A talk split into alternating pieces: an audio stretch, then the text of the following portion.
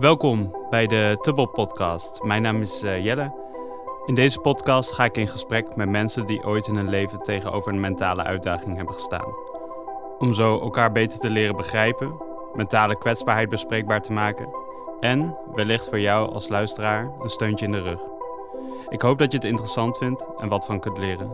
In deze aflevering ga ik in gesprek met Sherently, een positieve en ambitieuze jongen die me met heel veel levenslust vertelt over zijn toekomstplannen. Maar dat is niet altijd zo geweest. Sherently kwam namelijk in een burn-out terecht. Hij wordt dan geconfronteerd met een versie van zichzelf die geen energie en positiviteit meer heeft om elke dag met plezier aan te gaan. Uit bed komen, met vrienden afspreken en naar werk gaan, het is allemaal een last. Samen met fotograaf Nick Doep spreken we af in een bos vlakbij Apeldoorn. Dit is de plek waar Sherendly zijn balans weer heeft gevonden. Wil je de foto's bekijken? Neem dan een kijkje op onze Instagram-pagina @tubbelen of ga naar tubbel.nl slash community. Hier vind je een blog over de podcast en zie je ook een aantal foto's die we die dag hebben geschoten. Voor nu, veel luisterplezier. Oké, hij is aan het opnemen. Ja, we zijn begonnen. Ja, we zijn begonnen We zijn bij deze. Ja. Hoe is het eh, nu, nu de knop is omgezet? Ja, goed eigenlijk. Ik moet zeggen dat ik eh, ja, al aangaf dat ik een beetje spannend vond om eh, dit te gaan doen, toch? Maar ik moet zeggen dat ik hier nu best wel chill zit. En ik denk dat het ook wel heeft geholpen dat we de shoot hier voor hebben gedaan. Ja, zeg maar. precies. Dus daarin al een beetje geconnect hebben en ja, daar het ijs al gebroken is. Ja, ja ik vind Dus, dat eh, zelf ook altijd eh, heel fijn inderdaad. Ja, Want voor de mensen die misschien nu voor het eerst luisteren. mijn naam is Jelle. Ik werk als marketeer bij Tubbel. En Tubbel is een GGZ-instelling die ja, een hele mooie behandelservice heeft. eh, op het gebied van basis en SGGZ. En daar proberen we zoveel mogelijk mensen eh, ja, bij te helpen. Maar daarnaast dat we een behandelservice hebben, hebben we ook een, een community. En met die community proberen we zoveel mogelijk mensen eh, te inspireren en te motiveren om aan de slag te gaan met zijn of haar mentale gezondheid. En eh, ja, een onderdeel van die community, eh, wat we eigenlijk vorig jaar zijn begonnen, eh, is deze podcast. En ehm, ja, jij had mij benaderd of een vriendin? ja van een jou? vriendin van mij die had eh, jou benaderd. Oh, ja. ja. zij wist dat ik met eh, mentale problemen kampte. Althans, dat ik daar eh, doorheen ben gegaan. Ja, En ja, zij was gelinkt met iemand die al eerder bij jullie in de podcast was geweest. En eigenlijk opper, opperde zij eigenlijk het idee bij mij van... hey, is het niet interessant voor jou om eh, daarover te spreken? Enerzijds omdat ze weet dat het eh, best wel een mooi verhaal is om te delen, ook met mensen. En anderzijds omdat zij ook wel dacht van... misschien vindt hij het ook gewoon leuk om een keertje ja, bij jullie in de podcast te zitten. Dus zodoende eigenlijk. ja, graag. Ja, heel, heel fijn. En ehm, we, we zijn dus net eh, hiervoor naar een plek geweest. Dat doen we altijd. Dan gaan we samen met degene naar een plek die voor hem of haar belangrijk is geweest in het eh, proces van heel slecht voelen of juist meer het herstel. Ehm, ja, kun je even uitleggen waar we, waar we zijn geweest? Ja, we zijn eh, toen net eigenlijk eh, in de buurt van Beekbergen geweest. En ja, we zijn daar bij een weiland geweest en we hebben door het bos gewandeld. En eigenlijk is dat de plek waar ik ehm, mijn eerste coaching sessies had. Toen, eh, ja, eigenlijk een soort van aan het begin van mijn burn-out. Toen eh, heb ik een coach in armen genomen. Echt omdat ik zoiets had van, ik weet zelf gewoon niet meer wat ik eh, moet doen. En ik eh, had hier gewoon echt hulp bij nodig. En ehm, ja, dat was eigenlijk waar de coaching sessies plaatsvonden. En eigenlijk waar een soort van mijn herstel is begonnen. En tegelijkertijd ook ehm, dat ik voor het eerst echt ben, bewust ben geworden van het feit dat ik dus last had van een burn-out. Dus eh, ja, eigenlijk eh, aan de ene kant daar erachter gekomen dat ik dus echt in een burn-out zat. Maar aan de andere kant is daar ook het begin geweest van uit die burn-out klimmen, zeg maar. ja wat ehm, kun, je daar iets over vertellen? Zeg maar over het, wanneer kwam je erachter dat je eigenlijk last had van een burn-out? Ehm, dat, ik, dat ik het zelf een burn-out begon te noemen, dat was ehm, vorig jaar 2021. Ja, 2000 december. Nee, eh, oktober, november 2021 was dat. Maar Mhm. ehm, dat ik bij mijn coach was, dat was al in juni 2021. Dus daarvoor. Ja, dat was daarvoor. Maar het gekke was eigenlijk dat ik op dat moment eigenlijk me al echt dramatisch voelde. En dus eigenlijk geen uitweg zag voor mezelf en echt hulp nodig had om hier uit te klimmen. Maar dat ik op dat moment het nog eh, geen burn-out durfde te noemen voor mezelf. Dus, of misschien gewoon niet wist dat ja, een burn-out Ja, misschien zelfs, zijn. zelfs dat inderdaad ook. En het voelde, of op, uh, op dat moment had ik gewoon het idee dat ik ja, een soort van mezelf een beetje kwijt was en gewoon niet lekker in mijn vel zat. Ja. En uh, ja, daar zocht ik eigenlijk hulp bij. En eigenlijk door de coaching sessies ook, doordat zij me wees op waar ik doorheen ging. En ehm, ja, daardoor ook veel meer op internet um, ja, gewoon gaan zoeken van wat is er eigenlijk met mij aan de hand. Ben ik erachter gekomen dat ik eigenlijk in een burn-out zat. En met het hoogtepunt in uh, ja, oktober, november, waar ik echt uh, op werk gewoon echt fysieke klachten kreeg. Ja. Dus uh, ja, dat eigenlijk. Dus dat, dat was wel uh, het kantelpunt. Dus dat je echt fysieke klachten kreeg, maar ook kennis ging opdoen over van wat voel ik en wat is er mis met mij. En naarmate gewoon achterkwam van oké, dit lijkt wel heel erg op burn-out uh, verschijnselen. Ja, ja, eigenlijk wel, eigenlijk wel. Toen ik, uh, ja, gewoon, ik, ik was, um, ja, ik weet nog wel, ik kan daar misschien wel wat meer over vertellen, dat um, er een moment was dat ik aankwam op werk en toen zat ik in de auto en op een gegeven moment moest ik huilen en zag ik mezelf daar zo huilen in de spiegel en ja, besefte ik dat ik wel gewoon naar binnen moest om te gaan werken. Ja. Dus ik veegde snel mijn tranen weg. En toen liep ik naar binnen toe zo van, uh, nou ja, even die glimlach opzetten en we gaan er gewoon weer voor. En terwijl ik op werk was, begon ik op een gegeven moment gewoon echt misselijk te worden en het Oh. gevoel dat ik moest overgeven. Toen uh, ben ik naar het toilet toe gewandeld en uh, ja, heb ik daar overgegeven. En eigenlijk wilde ik de toilet uitlopen en een soort van die glimlach weer opzetten alsof er niks aan de hand was. Ja.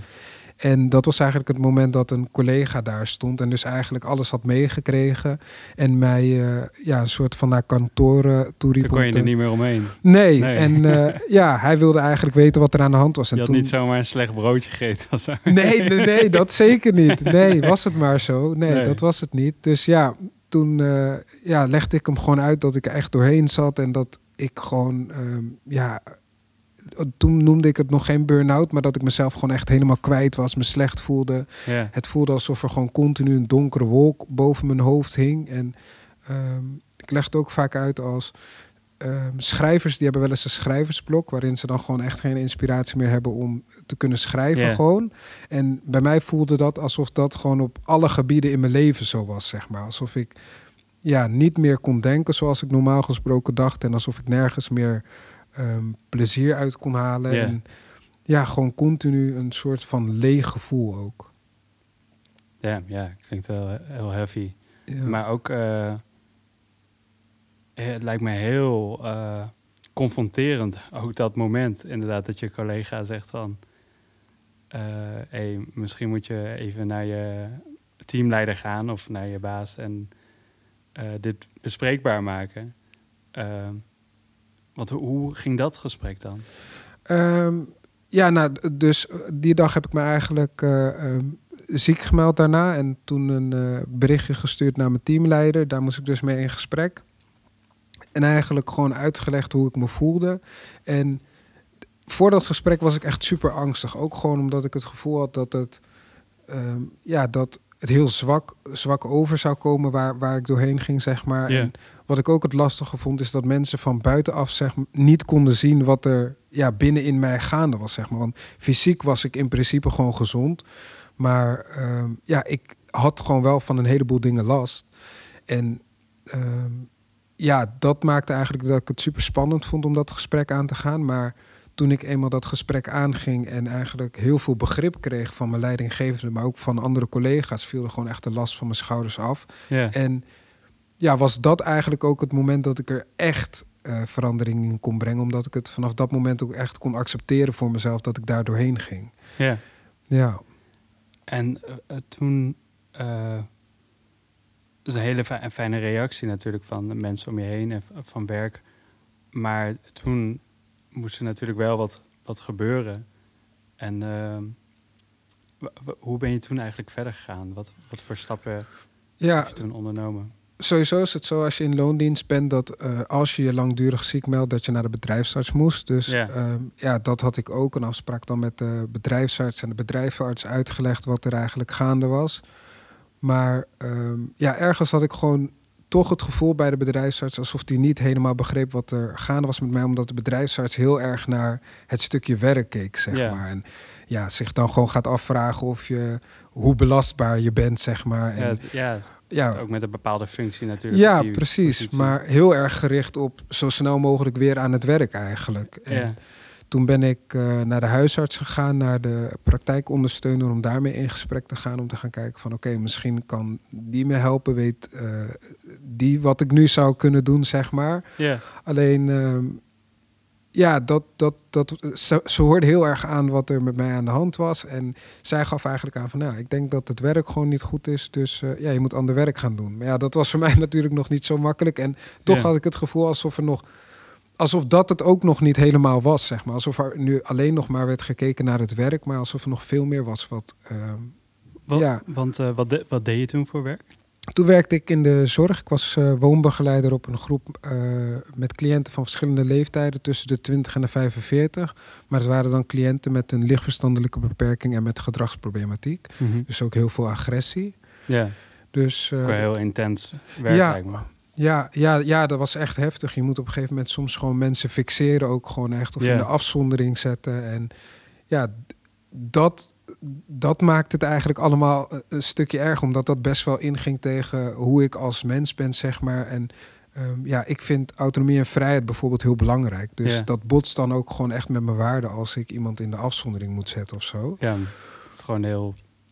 Fysiek is het gewoon natuurlijk heel zwaar om iemand te fixeren, maar mentaal eh, is het ook heel belastend inderdaad. Ja, ja, precies. Dus dat was allemaal gewoon heel heftig. Maar ja, dus bij de POH had ik ook gewoon nog niet het idee alsof ik daar voldoende geholpen werd. En toen ben ik dus eh, weer naar mijn coach toe gegaan. En eigenlijk ben ik naar mijn coach naar alle facetten in mijn leven gaan kijken. En kwamen we er eigenlijk gewoon achter dat ik vooral heel veel dingen aan het doen was waarvan ik dacht dat ik ze moest doen. En heel erg bezig was met de verwachtingen van andere mensen vervullen. En continu meer hooi op mijn vork nemen, maar ja, daardoor eigenlijk een soort van uitgeblust was en in een burn-out terecht was gekomen. En met haar ging ik dus ook heel erg kijken naar, oké, maar wat is dan wel het leven wat je zou willen leven? Hoe ehm, zou je het voor jezelf willen inrichten? Wat is het werk wat je zou willen doen? Met wat, voor mensen zou je willen omgaan? Maar eigenlijk alle facetten in mijn leven langs gaan en nadenken over hoe ziet dat er nu uit en hoe zou het er eigenlijk uit moeten zien, zodat het je energie geeft en het je gelukkig maakt. ja. En ehm, we zijn dan net eh, op de plek geweest waar je dus inderdaad dan met je coach eh, af ging spreken om een sessie met haar, eh, haar te doen. Wat, wat, eh, ik ben nog wel benieuwd van hoe, hoe ben je überhaupt zeg maar, op die coach, hoe ben je daar terechtgekomen? Ja, ja, dat is eigenlijk best wel grappig, want eh, ja, dat kwam eigenlijk gewoon door Google. Ik, eh, er was een moment dat ik op een gegeven moment gewoon niet meer wist wat ik moest doen en letterlijk dat op Google ging intikken van, ja, ik ben mezelf kwijt, wat moet ik nu of zo? Of, Ja. ja, iets in die trant in ieder geval. En toen stond daar ergens als advies dat je naar een coach toe moest gaan.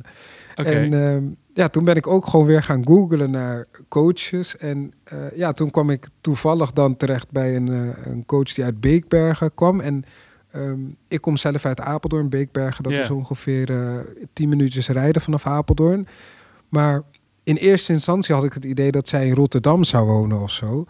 En ik was gewoon echt op zo'n punt dat ik dacht van ja, het maakt me niet eens meer uit waar ik naartoe moet reizen. Als iemand me maar hieruit kan helpen, zeg maar.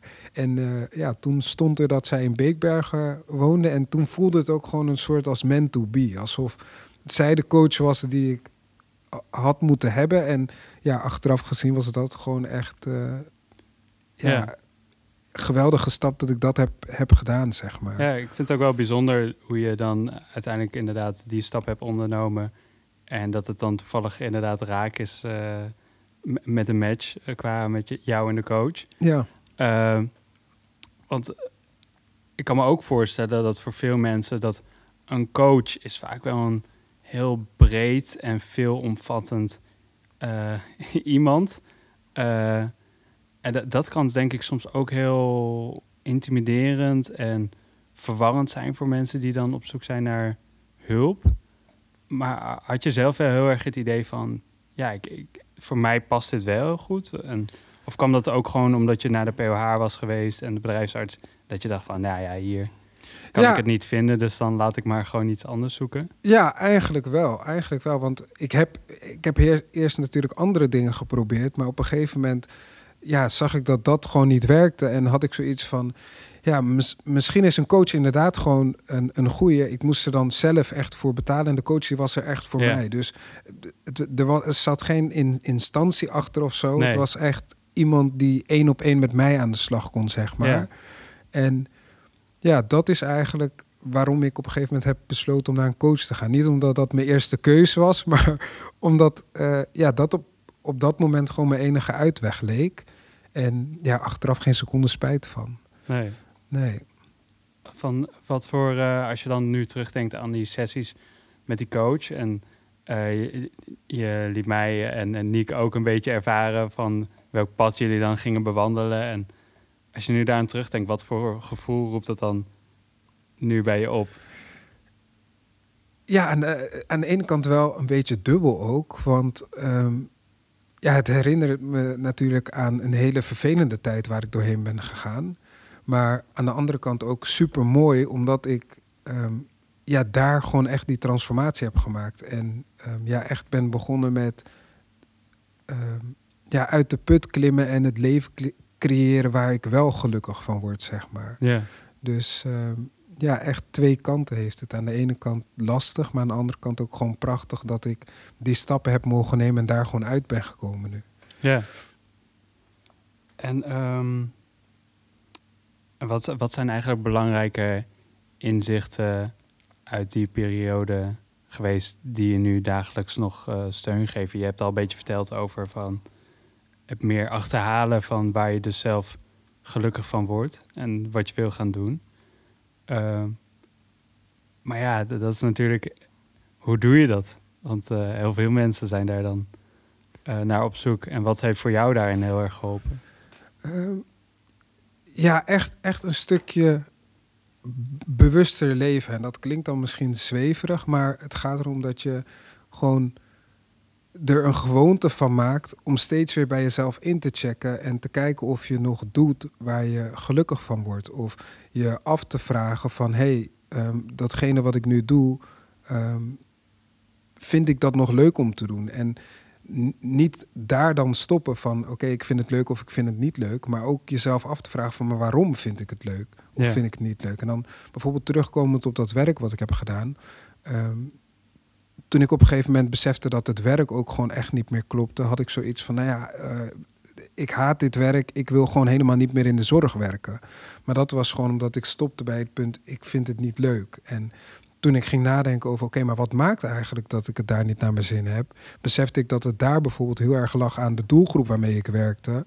En dat ik nu dus op zoek kon gaan naar een organisatie met een andere doelgroep. En die heb ik nu gevonden. En daar heb ik wel gewoon, haal ik wel gewoon heel veel energie uit mijn werk. Dus door jezelf ook Ehm, ja, steeds weer af te vragen van waarom je eigenlijk bepaalde gevoelens krijgt van iets of waarom je iets vindt, ga je gewoon steeds scherper krijgen voor jezelf wat je wel wilt. Ja. Ook. Dus veel meer bewuster stilstaan bij jezelf en uh, hoe je leven is ingedeeld op dat moment. En welke dingen je energie geven en welke dingen je energie kosten. Ja. Ja, ja eigenlijk wel, ja. En wat doe je dan nu uh, voor werk? Nu werk ik in de, nog steeds in de zorg, alleen nu begeleid ik uh, minderjarige vluchtelingen op een woongroep. Dat zijn vluchtelingen tussen de 16 en de 18 jaar. En op onze woongroep stomen we ze eigenlijk klaar om zelfstandig te gaan wonen als zij 18 zijn. Wat mooi. Ja. ja. En uh, ja, hoe ik daar terecht ben gekomen is eigenlijk ook wel grappig. Want uh, ik had dus afscheid genomen van mijn oude werk. Ja. En toen wist ik nog helemaal niet wat ik wilde gaan doen. Maar um, toen kreeg ik toevallig een vacature op mijn pad van uh, mijn oom, die stuurde mij die toe. En dat was dus van deze organisatie die werkte met minderjarige vluchtelingen. Uh -huh. En in het verleden had ik ook al stage gelopen bij vluchtelingenwerk, waar ik ook al werkte met minderjarige vluchtelingen. Alleen, um, uh, of nou, toen waren ze niet meer minderjarig, dat was wanneer zij 18 werden. Dus yeah. ik kende de doelgroep al wel. En toen ging ik ook eventjes googlen naar die organisatie dan, uh, waar die sollicitatie van was. En toen zag ik eigenlijk dat um, dat precies de organisatie was die ik nodig had. En in... Okay. Hoe zag je dat dan meteen? Ja, nou het grappige is dat in, in die... Uh, uh, periode zeg maar, in mijn burn-out, toen ik heel erg bezig was met... oké, ik leef niet leven wat ik wil leven, hoe moet dat er wel uitzien? Was uh, een van de dingen die ik deed ook heel erg nadenken over wat voor werk ik wil doen. En dan niet stoppen bij in welke sector, maar over de kleinste dingen nadenken. Met wat voor collega's wil ik werken? Hoe moet de structuur in de organisatie zijn? Dus moet het een platte organisatie zijn? Of moeten er heel erg lagen in de organisatie zitten? Op één plek of op verschillende plekken? Ehm, moet ik afwisselend werk doen of heel veel hetzelfde werk? Maar eigenlijk alles wat ik kon bedenken, ging ik over nadenken en kijken wat ik daarin zou willen. Ja. En, Wat je echt energie zou geven en geluk. Ja, oh ja, ja, precies. En toen ik op hun website ging kijken, toen zag ik eigenlijk dat dat het precies was. En toen heb ik vervolgens mijn sollicitatie ingediend. En daarbij had ik ook heel erg het gevoel van... oké, hier wil ik solliciteren als de persoon die ik ben... en niet als een, ehm, ja, als een functie, zeg maar. Ja, ja, dus.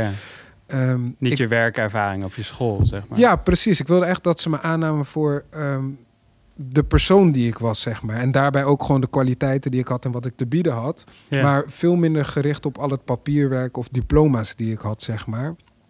En ja, dat was eigenlijk een geweldig sollicitatiegesprek heb ik vervolgens met hun gehad. En dat was eigenlijk die, de, de extra bevestiging van dat dit echt de organisatie was waar ik voor wilde werken. En een organisatie was waar ik ja, ook gewoon energie en e, ja, echt energie van kreeg. Dus ja, aan de ene zijde heel veel tijd besteed aan het helder krijgen van wat ik nodig had. Maar daarna het ook gewoon in de praktijk gezien. En ja, bevestiging gekregen op dat dat dus was wat ik nodig had ja. ook. Ik, ik kan me ook heel erg voorstellen dat uh, burn-out is natuurlijk voor iedereen best wel een beetje verschillend. Maar wat ik dan wel vaak hoor, is dat mensen ook zeggen dat het op een gegeven moment gewoon één grote chaos is. Ook in je hoofd en je lichaam. En dat je niet meer zo goed weet hoe en wat en wat je verder moet doen. Uh, hoe, hoe heb jij dat ervaren? Hoe, hoe kom je soort van die eerste ehm, mist door voordat je zeg maar dit soort uh, echte stappen kan nemen? Want op, op een gegeven moment kan ik me ook voorstellen dat je gewoon dat alles ineens zo overweldigend is en zo veel energie kost en zo zwaar is.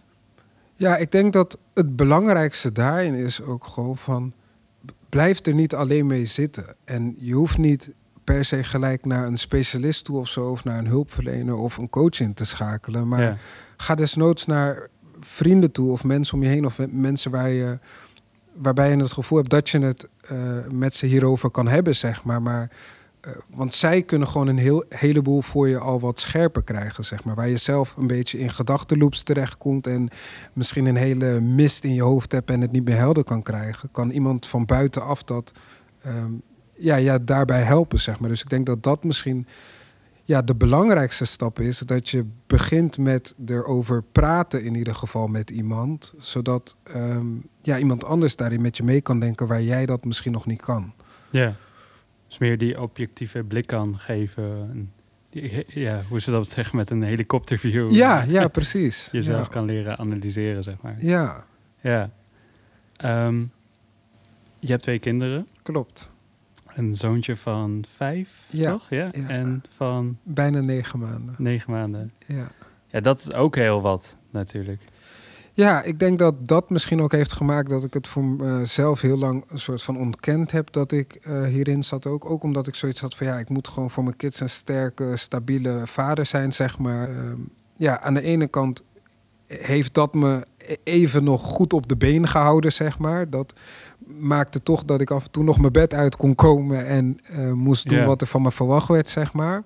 Maar aan de andere kant is dat ook wel geweest uh, waardoor ik zo lang bleef doormodderen, zeg ja, maar. Ja, want je echt tot het randje ja, geduwd. Zeg maar. Ja, precies. En um, ja, gewoon echt momenten op een gegeven moment dat ik zelfs voor mijn kids niet meer uit bed kon komen, zeg maar. En ja, dat waren wel een van de signalen ook. Dat het uh, ja, echt goed mis zat en het echt tijd werd om dingen radicaal anders te gaan doen.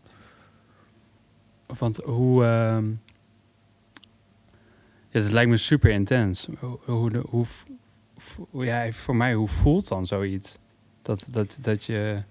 Eigenlijk wil je het wel en weet je ook wel dat dat het goede is, maar. Uh, kun je op een gegeven moment gewoon echt niet meer? Of? Ja, ja, dat klinkt misschien gek, maar zo is het gewoon wel echt. Gewoon, ehm,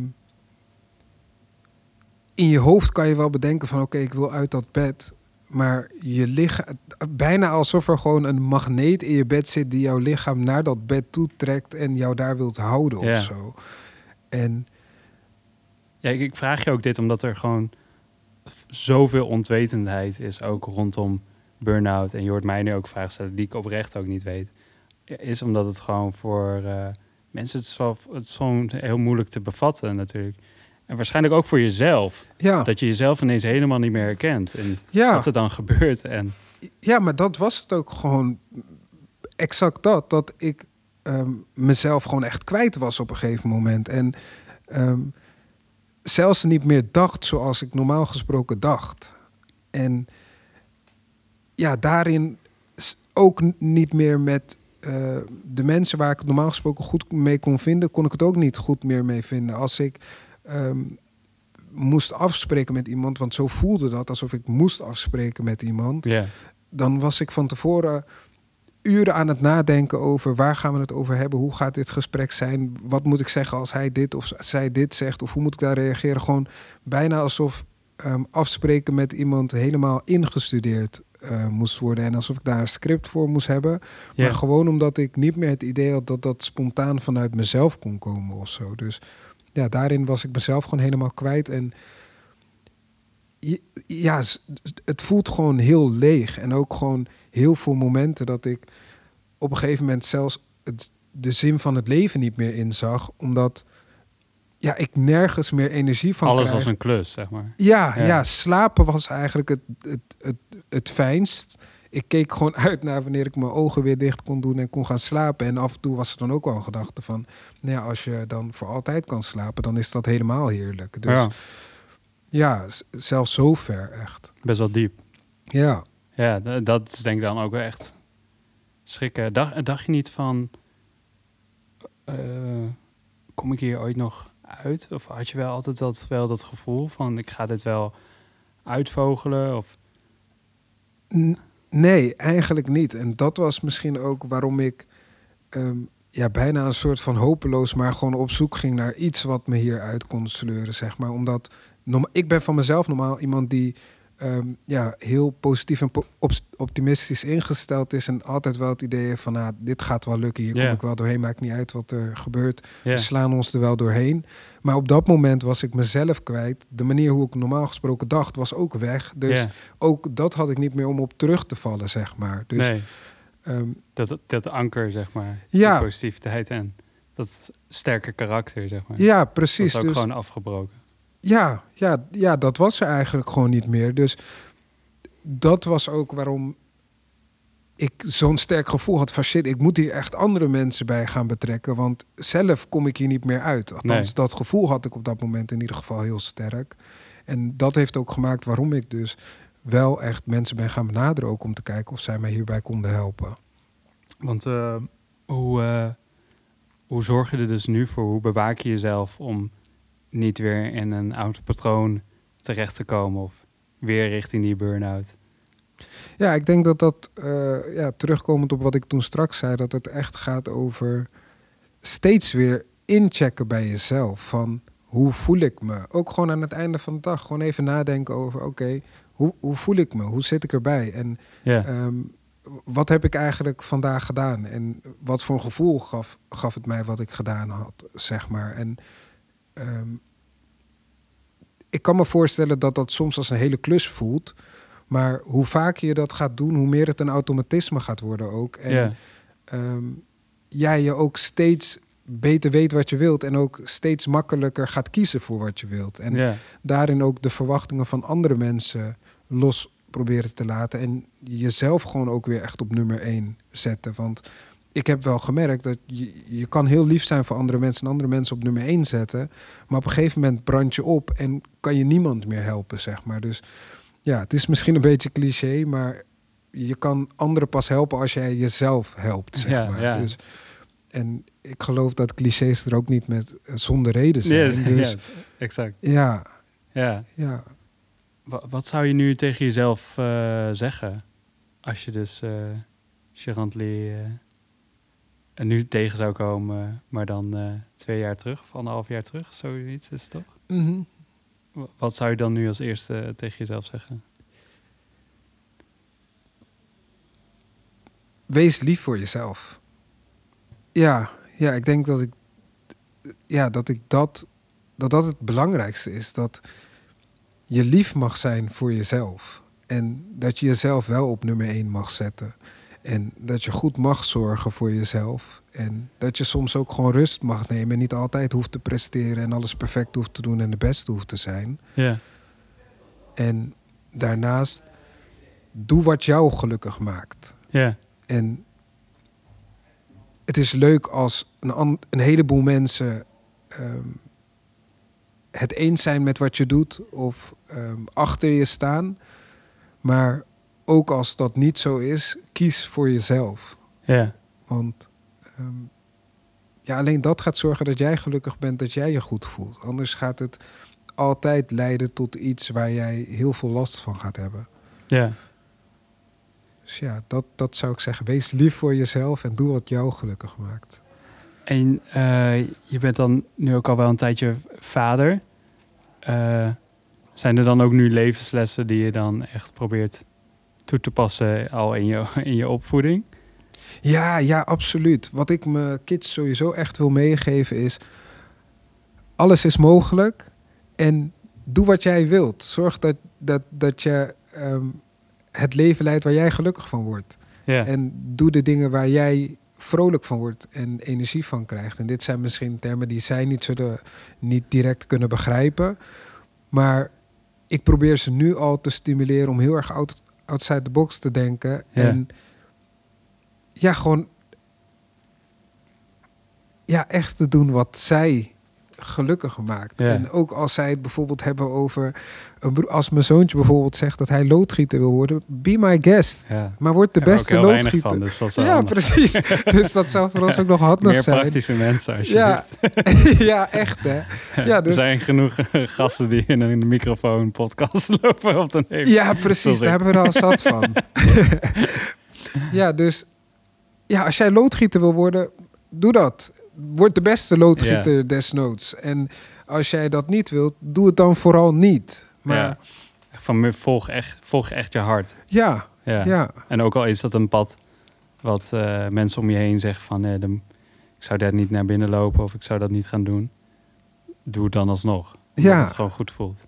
ja, Ja, want ik, ik eh, voordat we in gesprek gingen, ging ik ook eh, natuurlijk even de, ja, de Inspector Gadget die ik dan ook ben. eh, ik heb op onderzoek uit met wie zit Ja. ik eh, straks aan tafel.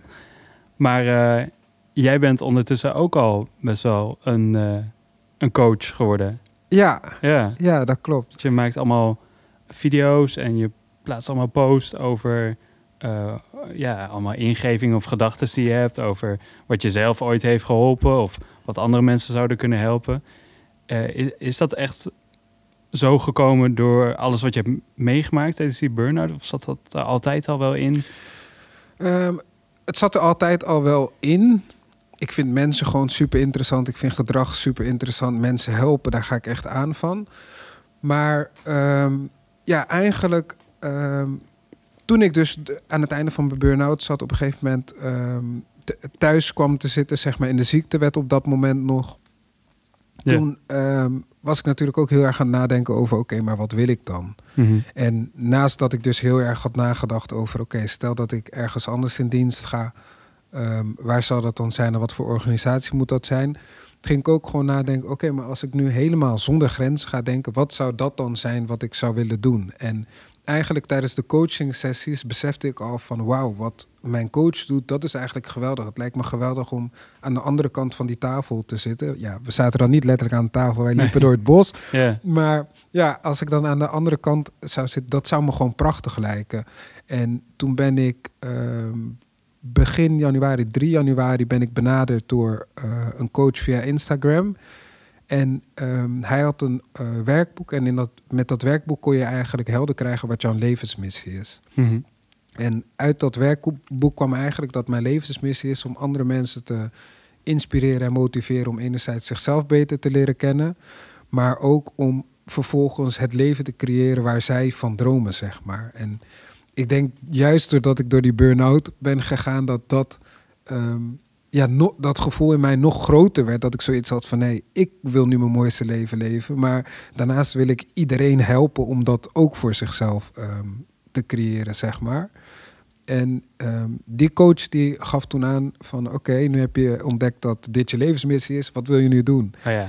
En toen... Uh, en dit, dit is dus een andere coach dan de coach waar je voorheen ja. Uh, mee zat? Ja, die een, de ene was echt een één-op-één coach. En dit ging echt om... Of nou, één-op-één live coach was dat. En dit was een uh, business coach.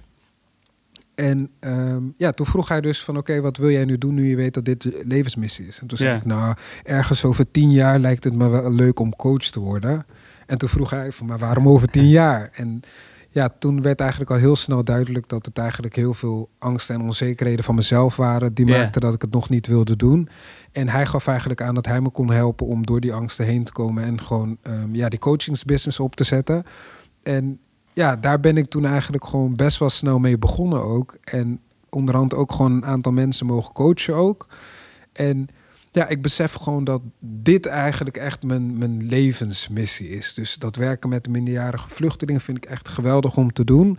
Maar als ik moet nadenken over iets wat ik nog ja, eigenlijk bijna de rest van mijn leven zou willen doen, dan gaat het echt om dat coaching en daarin mensen gewoon helpen om zichzelf beter te leren kennen en het leven te gaan creëren waar zij ehm, van dromen, zeg maar. Waar zij, ehm, ja, dat, dat zij willen, zeg maar. En nu ehm, doe ik dat vooral uh, in de vorm van coaching. Maar het lijkt me ook gewoon geweldig om in de toekomst boeken te kunnen schrijven, lezingen te kunnen geven. Ik ben nu ook bezig om na te denken over de workshops die ik kan organiseren om het wat laagdrempeliger te houden voor mensen. Ja. Dus ik moet er nog even daarover in gesprek. Uh, ja, hoe ja, dat, dat met Sibyl uh, een beetje. Ja, dat kan zeker. Dat kan zeker. Dat zou heel tof zijn. Ja, dus, dus eigenlijk uh, is, is mijn burn-out gewoon een blessing en een curse tegelijk geweest. Ook aan de ene kant heb ik me dramatisch gevoeld, maar het is wel een periode geweest waarna ik me gewoon mezelf veel beter heb leren kennen ook. En ja, mijn leven is eigenlijk alleen maar mooier geworden. En ik kan nu ook gewoon echt oprecht zeggen dat ik het gelukkigst ben dat ik ooit ben geweest ook gewoon. En ik heb het gevoel dat dat ook alleen maar nog sterker wordt. Dus wat mooi. Ja, dankjewel. En voor mijn gevoel eh, ben je ook echt uh, heel snel of zo in dat, dat uit dat diepe dal uh, weer gedoken. Ik vind het heel inspirerend van als we het dan hebben over de tijdlijn. Dat is anderhalf jaar geleden ja. ongeveer begon je dus inderdaad nou, natuurlijk voel je je daarvoor al heel lang heel slecht en hanteer je eigenlijk een manier van leven die uh, ja, niet uh, ten goede is, zeg maar. Mm dat vind ik wel heel mooi en inspirerend om te horen dat je. Dankjewel.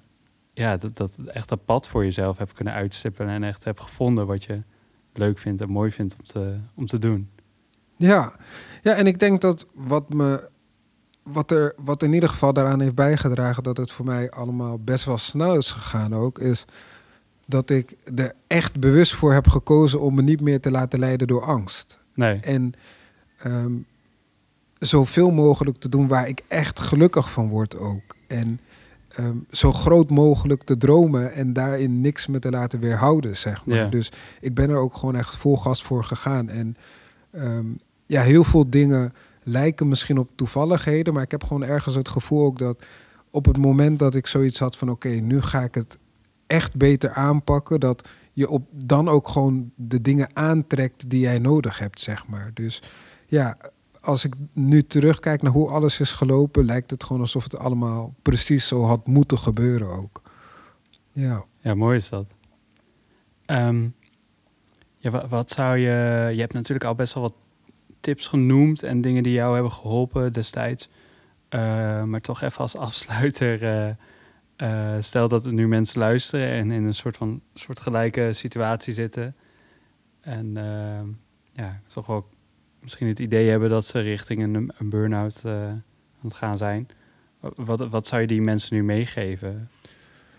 ik zou sowieso tegen ze willen zeggen van als jij ergens het idee hebt dat je zwak bent of zo, of dat je um, ja, niet, niet aan jezelf wil toegeven dat het slecht gaat of dat je door een burn-out gaat, stop daarmee.